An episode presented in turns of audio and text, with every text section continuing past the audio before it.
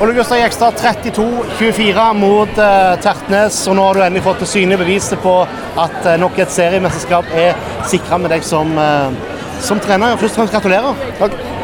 Du, Hvordan føles det å ha leda Vipers til deres andre seriemesterskap på rad?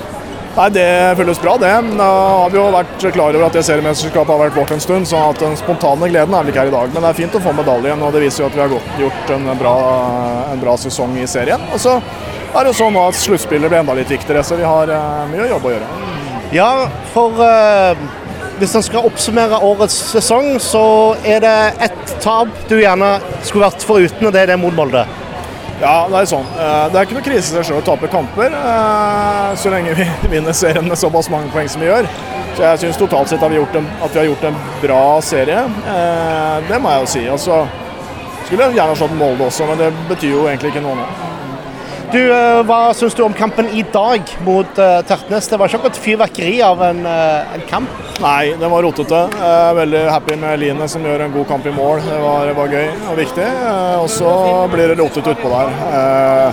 så vi får, vi får stramme inn 20% inn mot lørdag, og det tror jeg vi skal få til.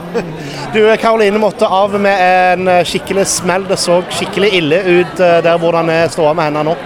Nei, det ser vel ikke så veldig bra ut. Vi fikk jo Sunniva ut med en smell i hodet også, så vi får se hvem vi har på venstrekant til lørdag. Men uh, jeg er litt usikker på det. Mm.